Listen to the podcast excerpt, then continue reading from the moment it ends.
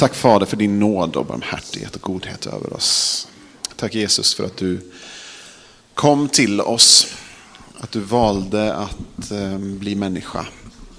Att du valde att ge ditt liv för våran skull, Herre. Vi bara prisar och tackar dig. Vi vill upphöja dig, Herre. Vi ber att få fästa blicken på dig och, och få möta dig, Herre. Vi tackar dig för alla dina goda gåvor, för, för allt det underbara som du är för oss och som du ger för oss. Tack att du är vår högsta skatt, Herre. Tack att vi får ha våran skatt i dig. Att du blir stor för oss, Herre. Att, att du blir det viktiga, det centrala, Herre. Prisar och tackar dig, Herre. Nu ber vi för den här stunden, Herre. Vi ber om hjälp att lyssna. Vi ber om lärjunga öron, Herre. Och jag ber om hjälp, Herre. Jag ber att du väger mina ord på guldvåg, Herre. Att jag inte säger någonting som är onödigt, utan jag säger någonting som bygger upp, som blir till välsignelse och som fäster människors hjärtan och blickar mot dig, Herre. I Jesu namn. Amen.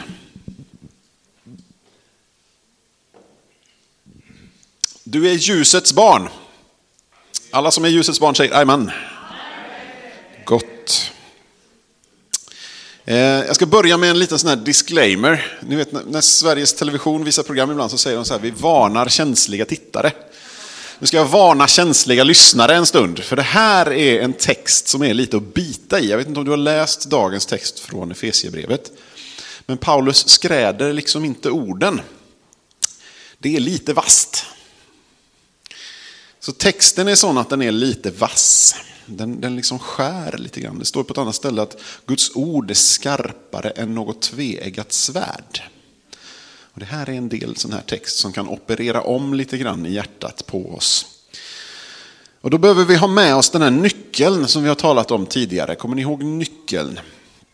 Kraften till att leva ett kristet liv i helgelse kommer inte från oss själva, utan från andens liv inom oss. Så nyckeln till att låsa upp den här kraften är att vi bejakar och börjar leva ut nya begär ur ett pånyttfött hjärta. Så det Paulus talar om här, det är det nya livet i Kristus som Gud skapar i dig genom sin ande. Det här kan du inte göra i dig själv, i din så att säga gamla natur, i köttet. Det klarar vi inte. Och försöker vi, och det är det många som gör, då blir det legalism. Då blir det en lista på måsten, en lista på krav, en lista på saker vi inte ska göra. Då börjar vi peka på varandra. Och du gör så och du gör så. Vi börjar känna fördömelse, förtappelse och allt det där. Så lägg bort det där. Lyssna med dina nya öron. Låt din inre människa, den som är ljusets barn inom dig, låt den människan lyssna. För om vi inte har den här förförståelsen med oss, då blir allting som sägs i hela Efesierbrevet 5 bara tom legalism. Det blir inget liv i det om inte du har med dig det här. Det här handlar om livet i Kristus. Så om du hör den här förkunnelsen och känner fördömelse, så ska du granska dina motiv. Då ska du titta dig i spegeln och säga, vad är det som gör att jag känner mig fördömd? För det finns ingen fördömelse för den som är i Kristus. Om du är i Kristus så är du försonad, du är förlåten och du är befriad. Du kan falla ibland. Du är inte ofelbar, du har det här köttet kvar i dig som förleder dig och fördrar dig. Du har gamla begär som blossar upp ibland och får dig att gå åt det håll du inte vill. Vi kan säga med Paulus, det goda som jag vill, det gör jag inte alltid. Men det onda som jag inte vill, det gör jag. Ve mig, arma människa, vem ska befria mig från denna syndens kropp? Alltså, han hade också det här i sig, det här dualistiska mellan det han ville och det han såg var gott och rätt. Och det han ändå gjorde som inte var av Gud. Men fördömelse finns inte i Kristus. Och känner du fördömelse, granska dina motiv. Vad är, det du, vad är det som gör att du känner dig fördömd? Är det i självrättfärdigheten som gnager? Om du hör den här förgunnelsen och känner bedrövelse eller sorg, då ska du granska ditt liv. För då finns det nog någonting där som Gud vill gå till rätta med hos dig. Och det kan det finnas från tid till annan hos oss alla. Även om du har levt ett långt liv med Kristus så kan det finnas saker som Herren plockar upp och säger det här, det här behöver vi ta tag i nu. Det här är nästa steg i din helgelse. Det här är för att bli mer Kristuslik. Så om du hör den här förkunnelsen och känner bedrövelse eller sorg, så granska ditt liv. Och om du hör den här förkunnelsen och känner glädje och frid så ska du tacka Gud. Om du har vunnit seger på de här områdena där Paulus tar upp här, så tacka Gud som är den som har gett dig den segern och du har besegrat den här synden i ditt liv. Och har du aldrig behövt att strida på de här områdena, utan blivit bevarad från allt det, så ska du tacka Gud ännu mer. Att han är nådefull och Gud har bevarat dig från prövning. Det är Gud som har gjort allt det. Så vi ska ta upp dagens text. Har vi den på projektorn. Ehm, för att roten till det nya livet är kärlek och det är där Paulus börjar. Bli därför Guds efterföljare som hans älskade barn och lev i kärlek så som Kristus har älskat oss och utgett sig själv för oss som en offergåva. Ett väldoftande offer åt Gud. Men sexuell omoral och all orenhet eller girighet ska inte ens nämnas ibland er. Det anstår inte de heliga. Skamligt och dumt prat eller grova vitsar är också opassande. Tacka istället Gud. Ni ska veta att ingen som är sexuellt omoralisk, oren eller girig, alltså en avgudadyrkare, har någon arvedel i Kristi och Guds rike. Låt ingen bedra er med tomma ord. Allt sådant gör att Guds vrede drabbar olydnadens barn. Ha därför inget med dem att göra. Tidigare var ni mörker, men nu är ni ljus i Herren. Lev då som ljusets barn. För ljusets frukt består i allt vad godhet, rättfärdighet och sanning heter. Och pröva vad som gläder Herren. Var inte delaktiga i mörkrets ofruktbara gärningar, utan avslöja dem istället. Vad de gör i hemlighet är skamligt, till och med att nämna. Men allt som avslöjas av ljuset blir synligt. För allt som uppenbaras är ljus och därför heter det vakna upp du som sover, stå upp från de döda och Kristus ska lysa över dig. Tänk alltså noga på hur ni lever, inte som ovisa människor utan som visa. Ta väl vara på varje tillfälle, för dagarna är onda. Ta därför in, var därför inte oförnuftiga, utan förstå vad som är Herrens vilja. Berusa er inte med vin, det leder till vårdslöshet. Låt er istället uppfyllas av anden. Och tala till varandra med salmer, hymner och andliga sånger. Sjung och spela för Herren i era hjärtan. Och tacka alltid vår Gud och Far för allt i vår Herres Jesu Kristi namn. Amen. Jag ska ge en liten förvarning till. Det här är väldigt mycket innehåll. Så jag ska göra mitt allra, allra bästa för att komprimera det här på ett bra sätt. Men jag kan inte lova att jag håller mig under 20 minuter.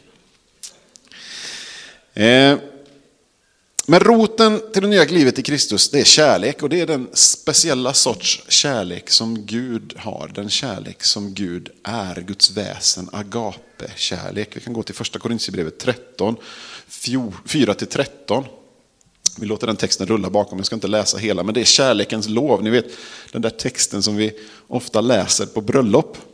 Och då sällan i sin kontext, för den handlar inte så mycket om den romantiska kärleken, utan faktiskt om Guds kärlek till oss.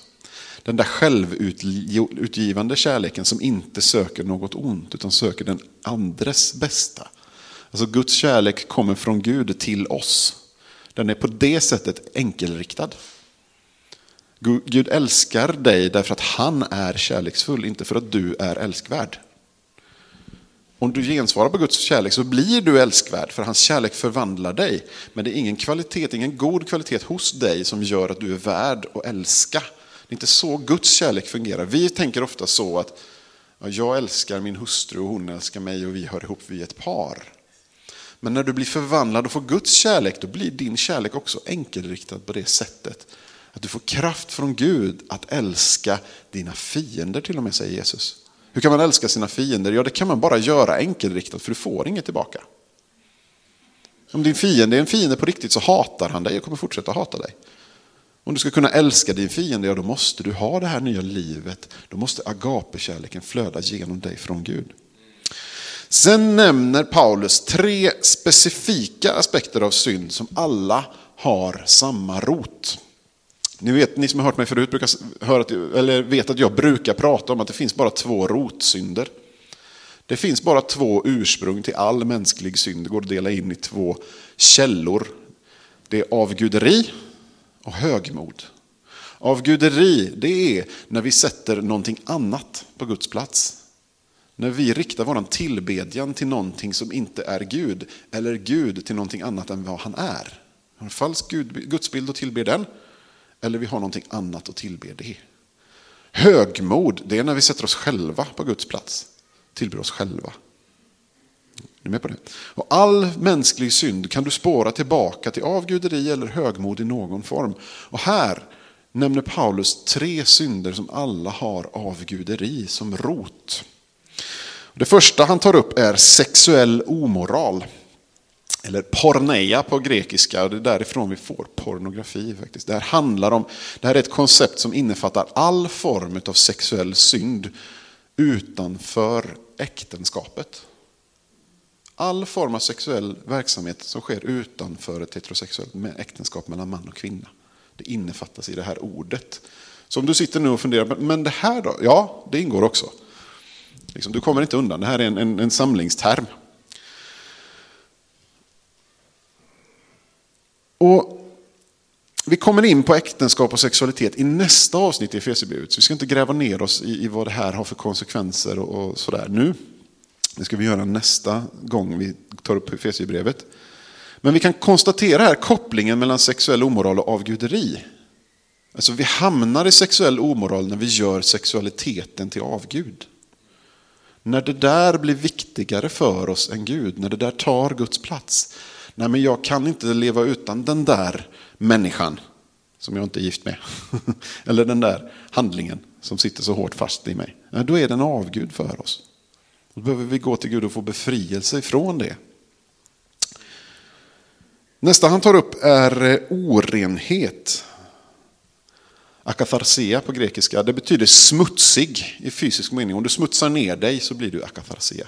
Alltså, men det är också samma ord som i, den grekiska översättningen av Gamla Testamentet används som rituell orenhet. Alltså när man skulle rena templet, när man skulle rena sig innan gudstjänsten, så var det för att få bli av med det här akatharsia. Och I överförd bemärkelse så använder man det här ordet om att ha ett smutsigt sinnelag eller orena motiv. Det kan vara ett lustfyllt leverne, att ägna sig åt utsvävningar för att tillfredsställa sin egen lusta. Du lystnads, har lystnadsbegär, på gammal svenska. Ehm, och det är på ett moraliskt eller förkastligt sätt. Och det är när man har satt sin egen bekvämlighet som avgud. Du dyrkar bekvämligheten. Du vill ägna dig åt att liksom bejaka det där inom dig som kliar. Du vill klia det där. Oh, jag tycker det här är så härligt att göra. Ja. Men du vet att det egentligen är emot vad Gud har sagt. Det tredje han tar upp är girighet. Habegär, ett girigt hungrande efter att ha mer. Ett sinne som aldrig får nog och är oförmöget till tacksamhet. Ett begär efter att samla på sig rikedom eller ägodelar. Att hålla i saker och ting.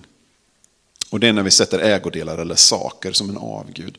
Alla de här tre sakerna, säger Paulus, han ställer här en kontrollfråga. Ni vet ju att det är så här, se till att det inte är så någon ibland er. Att eh, det här passar sig inte att finnas i Guds församling. Och Paulus gör ganska klart här att det är nolltolerans för de här frågorna. Det ska inte ens behöva nämnas ibland oss, skriver han. Alltså att han är så tydlig med det här för att det finns någonstans, det finns en krypande världslighet som gärna vill smyga sig på oss. Vi börjar med en liten kompromiss någonstans och tycker att äh, det är väl inte så farligt. Man ska inte vara fariseisk. Nej, det ska man inte vara, men man ska vara noga. Man ska vara noga med vad man väljer att släppa in i sitt liv. Man ska lyssna på vad Guds ande säger. Så fort du börjar känna att vänta nu, det här är inte riktigt rätt emot mitt samvete. Gud påminner mig här om någonting. Ja, då måste vi ta ett steg tillbaka och skilja oss ifrån det där. Hur så att säga, oskyldigt den kan synas. Det finns någonting som kallas för att ha en personlig legalism. Och det är någonting gott. Det är när du sätter upp regler för dig själv som du lägger på ditt eget liv. Och säger det här tar jag personligen avstånd ifrån. Andra får göra som de vill i sitt liv. Men för mig är det här att gå emot vad Gud har sagt. Så för mig sätter jag gränsen här. Det är en god form av legalism när du själv lägger interna begränsningar på dig utifrån någonting som Gud har sagt. Är du med på skillnaden? Det får du aldrig någonsin lägga på någon annan. För det är inte alls säkert att det som är din svaghet är din broders eller systers svaghet. Paulus skriver till, till Korinthierbrevet att vi, vi ska aldrig få någon annan på fall. Din frihet i Kristus får inte bli någon annan till fall. Men på samma sätt så ska den frihet någon annan har fått inte begränsas av dina svagheter. Så personlig legalism kan vi ha lägga på oss själva. att Det här vet jag att Gud vill att jag ska avhålla mig ifrån. Jag har en sån personlig legalism, det kan jag bekänna då. Eh, jag växte upp med att spela väldigt mycket dataspel. Eh, jag spelade på datorn och jag har satt nätterna igenom ibland. Och det har blivit en sån här grej för mig att jag vet att om jag börjar engagera mig så sveps jag med. Och det är inga liksom ogudaktiga saker.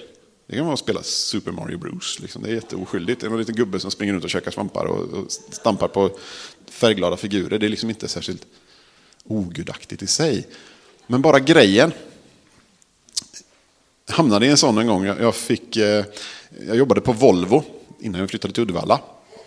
Och då sponsrade ju Volvo en världsomseglingstävling som heter Volvo Ocean Race. Båtar som, som seglar över hela världen. Då kunde man vara med i ett realtidsdataspel online. Där du hade en liten båt och så skulle du ställa då kurs och, och trim på segel och sådär. Och så skulle du se vem som seglade bäst. Det var bara det att det där pågick ju när man inte var online. Så loggade du inte in och tittade så kunde ju båten segla vart som helst. Utan du fick ju liksom gå in någon gång sådär var, var tredje, fjärde timme och rätta till kursen och trimma och sådär.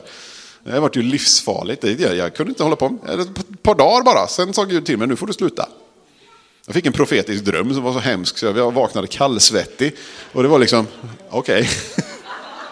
Men Gud visste det, för jag klarade inte av det. Jag levde på den här båten när jag inte var där. Alltså, det tog upp hela mig.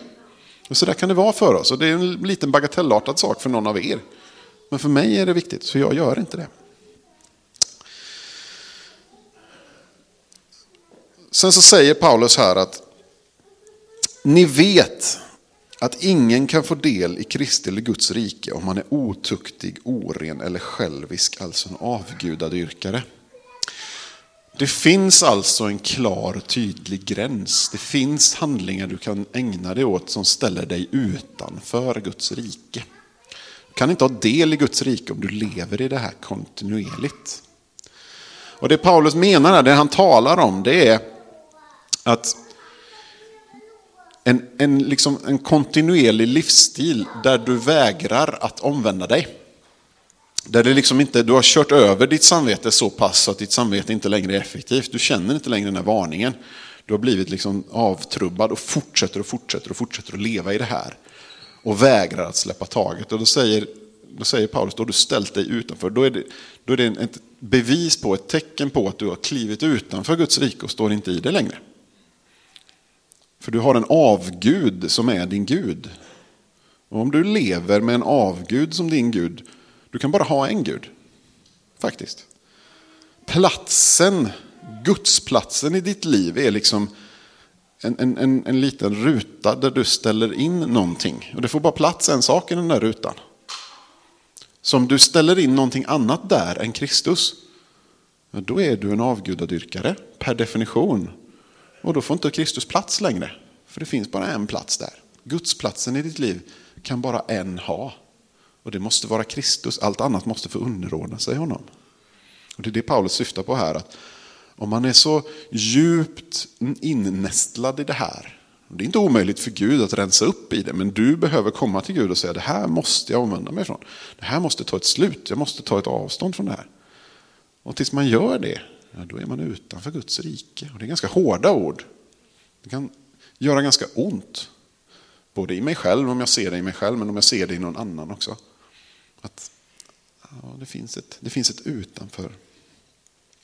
Det är nämligen så att det finns två riken. Det finns ett rike av mörker och det finns ett rike av ljus. Men det finns inget rike av skugga. Skuggans barn. Utan det är digitalt. Här är det svart eller vitt. I många andra fall så är det oftast gråskalor, men här är det helt svart eller vitt. Tillhör du inte ljusets rike så tillhör du mörkrets rike. Antingen eller. Du kan inte ha en fot i varje. Går inte. Du kan inte vara ett grått skuggans barn. Utan är du född på nytt och det nya livet, lever, livet lever inom dig, då tillhör du ljusets barn, då är du ljusets barn. Och då behöver du leva som det också. Då behöver det synas i ditt liv. Det behöver bli en skillnad i våra liv när vi nu är ljusets barn. Vi kan inte vara exakt likadana som mörkrets barn. Så rabblar han upp ljusets frukt. Ljusets frukt är godhet, rättfärdighet och sanning. Det är liksom stämpeln på, kvalitetsstämpeln på ett ljusets barn. Vi lever i godhet, rättfärdighet och sanning. Och just rättfärdighet kommer ju in på de här vanesynderna som Paulus har vänt sig till alldeles nyss. Det är orättfärdighet. Och vi kan inte ha orättfärdighet och rättfärdighet samtidigt. Samtidigt så har vi ingen del i mörkrets ofruktbara gärningar. Och där märker ni att det är skillnad. Ljuset bär frukt, mörkret bär ingen frukt. Det är fruktlöst. Och vad innebär det att mörkrets gärningar är ofruktbara? Jo, det, till och med det som ser så att säga på ytan gott ut, som att ge fyra kronor till en kaffeplantage i Sydafrika via Nespresso. Det är ofruktbart. För det är mörkrets ofruktbara gärningar. Men precis det Janne sa, att det gör ingen evighetsskillnad. Även om det kan kännas sådär lite gott. Och jag var lite god, jag gav dig fyra kronor extra i kaffet. Så. Det har inget evighetsvärde om det inte sker till Guds ära. Om du ger de där fyra kronorna för att vara duktig och snäll så är de helt värdelösa. Visst, det blir bättre, för, om det nu kommer fram fyra kronor så blir det lite bättre för någon i andra änden. Så det är bättre än att göra ingenting alls. Men det har inget värde, det är ingen frukt. För frukten måste vi, om det ska vara frukt som består, så måste ju den komma med i evigheten. Och det gör inte mörkrets ofruktbara gärningar. Så det är inte bara liksom onda gärningar som är ofruktbara, utan gärningar som är till synes goda som görs i mörkret är också ofruktbara. De har inget evighetsvärde. För de behagar inte Gud. De ärar inte Gud. De följer inte med oss i evighetsriket, för de tillhör inte Guds rike. Det tål att tänkas på.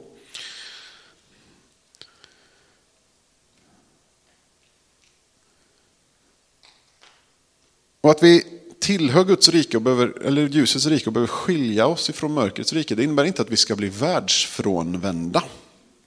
Utan att vi ska bli världsfrånskilda och det är en stor skillnad på det. Vi kan gå till Johannes 17, 14-19. Där talar Jesus om det här i Jesu överste prästerliga förbön för lärjungarna säger han så här att jag har gett dem ditt ord och världen har hatat dem därför att de inte tillhör världen, liksom inte heller jag tillhör världen. Jag ber inte att du ska ta dem ut ur världen, utan att du ska bevara dem för det onda. De tillhör inte världen, liksom inte heller jag tillhör världen. Helga dem genom sanningen. Ditt ord är sanning. Liksom du har sänt mig till världen har jag sänt dem till världen och för deras skull helgar jag mig till ett offer så att också de ska helgas genom sanningen. Märkte ni att Jesus sa att vi, vi ska inte gå bort från världen, vi ska inte liksom stänga in oss i ett, ett kloster så att säga, liksom rent, inte fysiskt, men, men alltså, vi ska inte sitta här i kyrkan och, och tycka illa om det som är där ute. Utan att vara världsfrånskild innebär att ha ett avståndstagande mot det världen står för, men att vara i den. Vi är ju vi är missionärer allihopa, vi är sända på ett uppdrag. Och del av det uppdraget är att avslöja mörkrets ofruktbara gärningar. Att peka ut det som faktiskt är orättfärdigt och säga det här är inte rätt. Vi måste bli en stark röst i det. Kristenheten överhuvudtaget måste ställa sig upp och säga det här är moraliskt förkastligt. Det finns en moralisk grund. Ni kanske inte håller med om det, men det är faktiskt sant ändå. Det finns en objektiv sanning som man kan lära känna och när vi bryter mot den så får det konsekvenser. Det får konsekvenser för samhällets rot. Man tittar sig omkring liksom hur det ser ut i Sverige idag. Eller i världen överhuvudtaget. Hur människor så att säga, lever sina liv, vad konsekvenserna blir. Hur det ser ut med kriminalitet och ökning av utanförskap. Och alla den, alltså allt det här negativiteten som flödar runt i samhället. Mycket av det beror på att vi har tappat våra moraliska kompass. Vi har ingen aning om vad som är rätt eller fel längre, för vi lever i ett pluralistiskt samhälle där alla sanningar är liksom lika mycket. Du kan hitta på vilken sanning som helst. Och är det tillräckligt många som tror på den så blir den sann. Men så är det ju inte. Det finns ju en objektiv sanning som ligger bakom. Vi, behöver bli, vi är de enda, alltså, kristna är de enda som kan lära känna den, den objektiva sanningen därför att han har ett namn. Han heter Jesus Kristus. Det är han som är sanningen. Han är vägen, sanningen och livet. Och när människor går bort ifrån det, när samhällen går bort ifrån det, så händer det saker, det blir konsekvenser. Så kommer Paulus vidare in här på, tänk på hur ni lever. I... Eh,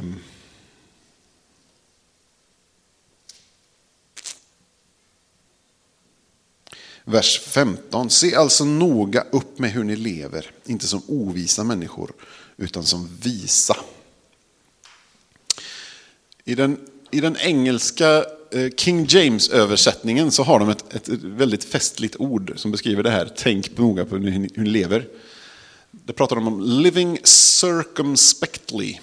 Circumspectly. Jag tror aldrig jag har läst det någon annanstans just den, än just den översättningen. Det är något ett vanligt ord. Så. Men det säger någonting. Det, det innebär att liksom leva med ett helikopterperspektiv.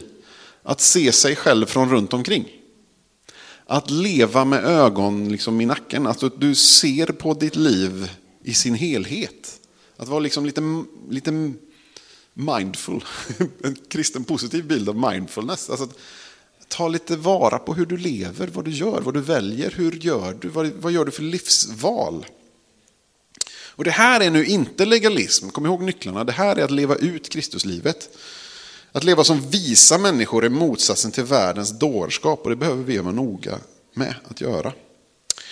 För den här världsligheten som gärna vill nästla sig in i oss, den beskriver Jesus i sändebrevet till Laodicea, Uppenbarelseboken 3, 14-21. Här var en församling där den här smygande världsligheten hade fått slå rot och bära frukt och bli fullmogen. Och då skriver han så här till församlingen i Laodikeia. Har vi med den texten?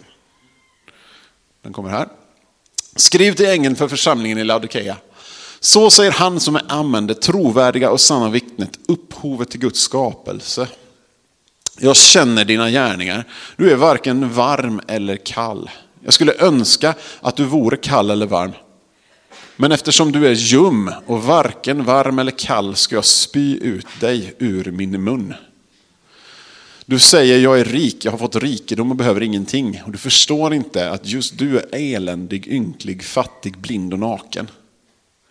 Jag råder dig att köpa guld av mig som är renat i eld så att du blir rik och vita kläder att skyla dig med så att din skamliga nakenhet inte syns och salva att smörja dina ögon med så att du kan se. Alla som jag älskar tillrättavisar och tuktar jag, visa därför iver och vänd om. Se, jag står vid dörren och knackar. Om någon hör min röst och öppnar dörren ska jag gå in till honom och hålla måltid med honom och han med mig. Den som segrar ska jag låta sitta hos mig på min tron, liksom jag själv har segrat och sitter hos min far på hans tron. Hörde ni hjärtats, Jesus knackning på hjärtats dörr där? Den är inte riktigt lika gullig i sin kontext. Han knackar på dörren till en kyrka som har stängt ut honom. De sitter där inne och har en mysig gemenskap i världslig välmåga och är fattiga, ömkansvärda, blinda och nakna men vet inte om det. Kejsarens nya kläder och så står Jesus utanför och knackar på kyrkdörren. Hallå? Tänkte ni ha med mig i gudstjänsten eller? Får jag vara med? Det är den hjärtats dörr som han bultar på. Det är det den texten säger i sin kontext. att Glöm inte bort vems herre, vem som är herre. Vems kyrka är det? Ja, det är Jesu kyrka. Det är hans församling. Det är honom vi måste tjäna det är att leva circumspectly. Sen säger Paulus också vidare, ta vara på varje tillfälle. Eh, och i ordagrann översättelse så säger han friköpa tillfället. Friköpa tillfället. Alltså att vi tar vara på det, vi söker det som när man, när man liksom får tag på en skatt och betalar för att få, få tillgång till den där skatten. Vi behöver se till så vi inte slösar bort våra liv. Och här har vi ett ansvar inför Gud. Jag brukar säga att det finns 700 000 timmar i ett människoliv. Vad tänker du göra med dem? Ja, hur många ska du ge till Netflix? Facebook? Hur många timmar är det värt? Ja, det finns ju saker vi måste göra. Vi måste liksom arbeta och, och förtjäna vårt uppehälle och sådär. Men det finns massa andra timmar som vi inte måste förbruka på något speciellt sätt. Vad gör du med dem? Det är din talent. Det där har du fått av Gud och alla har fått ungefär lika mycket. Vissa får korta liv och andra får långa liv. Men, men vi har ändå fått en talent. Vi har ett ansvar för vad vi gör med den. Hur mycket av den tiden lägger du på att betjäna dina bröder och systrar? Hur mycket av den tiden lägger du på dig själv? Hur mycket lägger du på andra? Hur mycket lägger du på Guds rike? Vad gör du med den? Hur mycket lägger du på att du är en bättre människa idag än vad du var igår? Du har ett ansvar för att växa. Hur mycket du läser du din bibel, inte för att läsa den och bocka av en kryss att du har läst den i bibelappen och få en sån här ihållande serie. har ni sett den i bibelappen? Man får så här, nu har, du läst, nu har du varit duktig, nu har du läst i 240 dagar i sträck. Men om man gör det bara för att checka av det så har det inget värde. Om du gör det för att växa som kristen och växa och bli närmare Gud och bli en bättre version av den du är, en sannare du, en mer Kristuslik du, då är det värdefullt. Sen kommer Paulus till det här med berusa er inte med vin. Eh, se noga upp med hur ni lever, inte som ovisa människor utan som visa. Ta väl vara på den tid som är kvar, till dagarna är onda. Och därför aldrig oförståndiga, utan sök förstå vad som är Herrens vilja. Berusa er inte med vin, där börjar lastbördigheten, utan låt er uppfyllas av ande. Det här är inte som man i vissa sammanhang eh, hävdar en, en eh, uppmaning till total avhållsamhet. Så om du väljer att ha total avhållsamhet, så håll det i ditt liv. Och lägg inte det oket på någon annan. För det är inte vad Paulus säger. Du har inte rätt att fördöma din broder. Det här är en, en uppmaning att inte berusningsdricka sig. Ni vet, I Paulus samtid så hade, hade man vin som måltidsdryck. Det var det vanligaste man drack. Men det var utspätt för att man inte skulle bli berusad. Därför att berusningen var inte liksom grejen. utan man, man drack det som, som måltidsdryck. Eh, Jesus själv drack vin och vi har liksom inget behov av att bli heligare än Jesus. Men däremot ska vi vara väldigt försiktiga med det här så att vi inte blir någon annan till fall. Om du är i ett sammanhang där någon en nykter missbrukare så ska du givetvis avstå. Absolut. För du ska inte bli din broder till fall. När vi samlas i kyrkan så har vi ingen alkohol med. Därför att vi har hänsyn till varandra. Vi sätter ett gott exempel. Vi tar hand om varandra. Men det får inte bli att du fördömer den andra som har sin frihet i Kristus utifrån vad Guds ord säger. Men han kontrasterar det här. Berusa er inte med vin. Det finns ingen anledning för oss att berusa oss med kemiska medel. För vi har en berusning som är långt mycket bättre. Vi kan berusa oss i den heliga ande. Ni vet när människor söker rus i rusdrycker så är det, för en, det är en verklighetsflykt i en mening. Vi söker det där att liksom komma ur vardagen eller komma ur oss själva lite granna eller att liksom bli lite uppsluppna och glada. Ordspråksboken säger vin gör hjärtat glatt. Det ligger en sanning i det, men det ligger en större och djupare sanning i att den heliga ande gör hjärtat glatt på ett fantastiskt och mycket, mycket mer underbart sätt. Så vi behöver inte söka någon berusning i kemiska substanser. Vi kan söka berusningen i att lära känna Gud och vara honom nära. Att jubla i den heliga ande, att tillbe honom, att lovsjunga, att tala till varandra med andlig sång. Det kan vara våran berusning och det finns någonting i det där, någonting gott, någonting att hänge sig, att komma i hänryckning, att liksom släppa taget om alla händningar och bara kasta dig inför Gud. Och tillbe honom med allt vad du är. Det finns en fantastisk härlig skatt i det. Och Paulus säger en hel del om det. Det är nämligen så att hela vers 19-21 i grundtexten så är det en enda lång mening. Nu blir det lite tekniskt, men det är skrivet i en verbform som heter presens aktiv particip. Det använder vi inte i modern svenska. Men om man skulle översätta det i den verbformen så skulle det bli verberna i de här texterna efter. Skulle bli, eh, eh vart hade jag dem? Det bli talandes, sjungandes, spelandes, alltid tackandes och underordnande er varandra. Det blir väldigt stapplig svenska. Men det betecknar någonting som man gör i samband med någonting annat. Huvudverbet är låt er uppfyllas. Plereo på grekiska i vers 18. Så att när vi låter oss uppfylla oss av anden, under det att vi är uppfyllda av anden så ska vi spela. Under det att vi är uppfyllda av anden så ska vi tacka. Så ska vi underordna oss varandra. Det är alltså inte något som vi gör som en punktlig insats utan vi gör det som en konsekvens av att vi är fyllda av anden. Då kan man fundera på sådana nörderier i texten, är det verkligen viktigt? Men ibland är det lite så, ibland får man gräva lite. Därför att det hjälper oss att komma liksom till den verkligheten som ligger bakom texten. Vad är det han egentligen vill förmedla? Vad är det egentligen han vill säga? Jo, det är uppfyllandet av anden som är det viktiga. Och resten är ett utflöde. I det att vi är uppfyllda av anden så ska vi göra det här. Talandes i sång. Andens uppfyllelse får sitt utlopp i sång. Kristna i alla tider har sjungit tillsammans. Talat till varandra med salmer. Det betecknar saltarsalmerna. De sjöngs Eh, om ni har gått en, i Svenska kyrkan någon gång och hört eh, prästens växelsång. Herren vare med er. Så sjöng man saltarsalmerna. Det är faktiskt en kvarleva från eh, den gammaltestamentliga gudstjänsten. Där hade man tempelsångare. De sjöng saltarsalmen med den här typen av entonig sång. Det är en kvarvara, en kvarleva från den tiden. Det finns något gott i det när det liksom får liv. Det kan bli väldigt fantastisk sakral tillbedjan. Hjärtat sveps med i det här för en enkelhet i det. Det är, något heligt i det. Man sjunger saltasalmer på det sättet. Hymner, det är lovprisningssånger.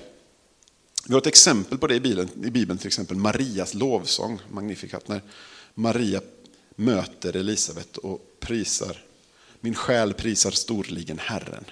Det är en lovprisningssång, en hymn. Och andlig sång, det är vad vi idag skulle kalla psalmboken i Svenska kyrkan, eller lovsångsmusik hos oss, eller att sjunga i ande. Vet ni, du kan sjunga i den heliga ande. Det är fantastiskt. Ställ er upp, vänner.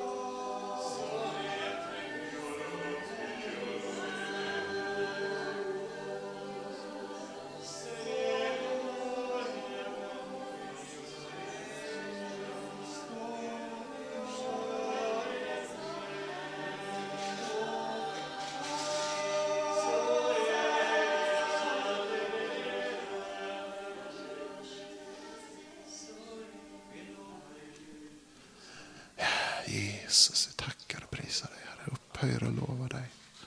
Vänner, det här är hjärtats lovsång. Det här är hjärtats lovprisning till Gud. Det här är din, din själ, din inre människa som sjunger ut till Gud vem han är, att han är god.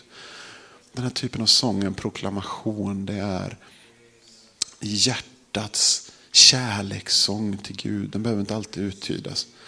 Utan det är en lovprisning. Det är en, ett förhärligande av Gud och vem han är. Varsågod och sitt ner.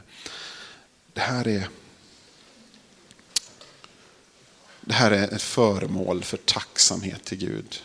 Det här är förmån för, för lovprisning i ditt hjärta. För att vi kan sjunga tillsammans till Guds ära. Det här är något som Gud har lagt ner i en skatt i det här. Det här är äkta lovsång. Och vi kan komma i det här genom musiken. Lovsångsmusik är fantastiskt och härligt. Men det är det här vi siktar efter. Det är det här att, att hjärtat ger sig hän till Gud. Att han får bli din stora skatt. Jesus. Du är ljusets barn. Det måste få konsekvenser i ditt liv. Om du är ett ljusets barn så märks det i ditt liv. Det kan inte undgå att märkas. Och Gud är den som är god. Han är den som gör den här förvandlingen i ditt liv och som ger dig kraften till det. Men han har inrättat det här så att du måste bejaka den kraften för att den ska bli verksam i ditt liv. Du måste samarbeta med honom. Han väljer, även om han kan, men han väljer att inte helga dig utan dig. Han väljer att helga dig genom dig. Var noga med ditt liv. Tänk igenom hur du lever, hur du förvaltar din tid, hur du förvaltar dina gåvor. En dag ska du stå och avlägga räkenskap inför honom som har gett dig den här gåvan. Han kommer inte döma dig. För Jesus har sagt, jag har inte kommit för att döma världen, utan för att världen ska få liv genom mig. Men du kommer att ha en jublande underbar glädje i att du har gjort det mesta av det Gud har gett dig. Du kommer få höra orden, väl gjort du gode och trogne tjänare. Gå in till vilan hos din Herre. Och när du känner att du kan stämma in i det, att ja, i Guds kraft och med Guds hjälp så har jag gjort ett gott verk. Jag har faktiskt gett allt jag kunnat.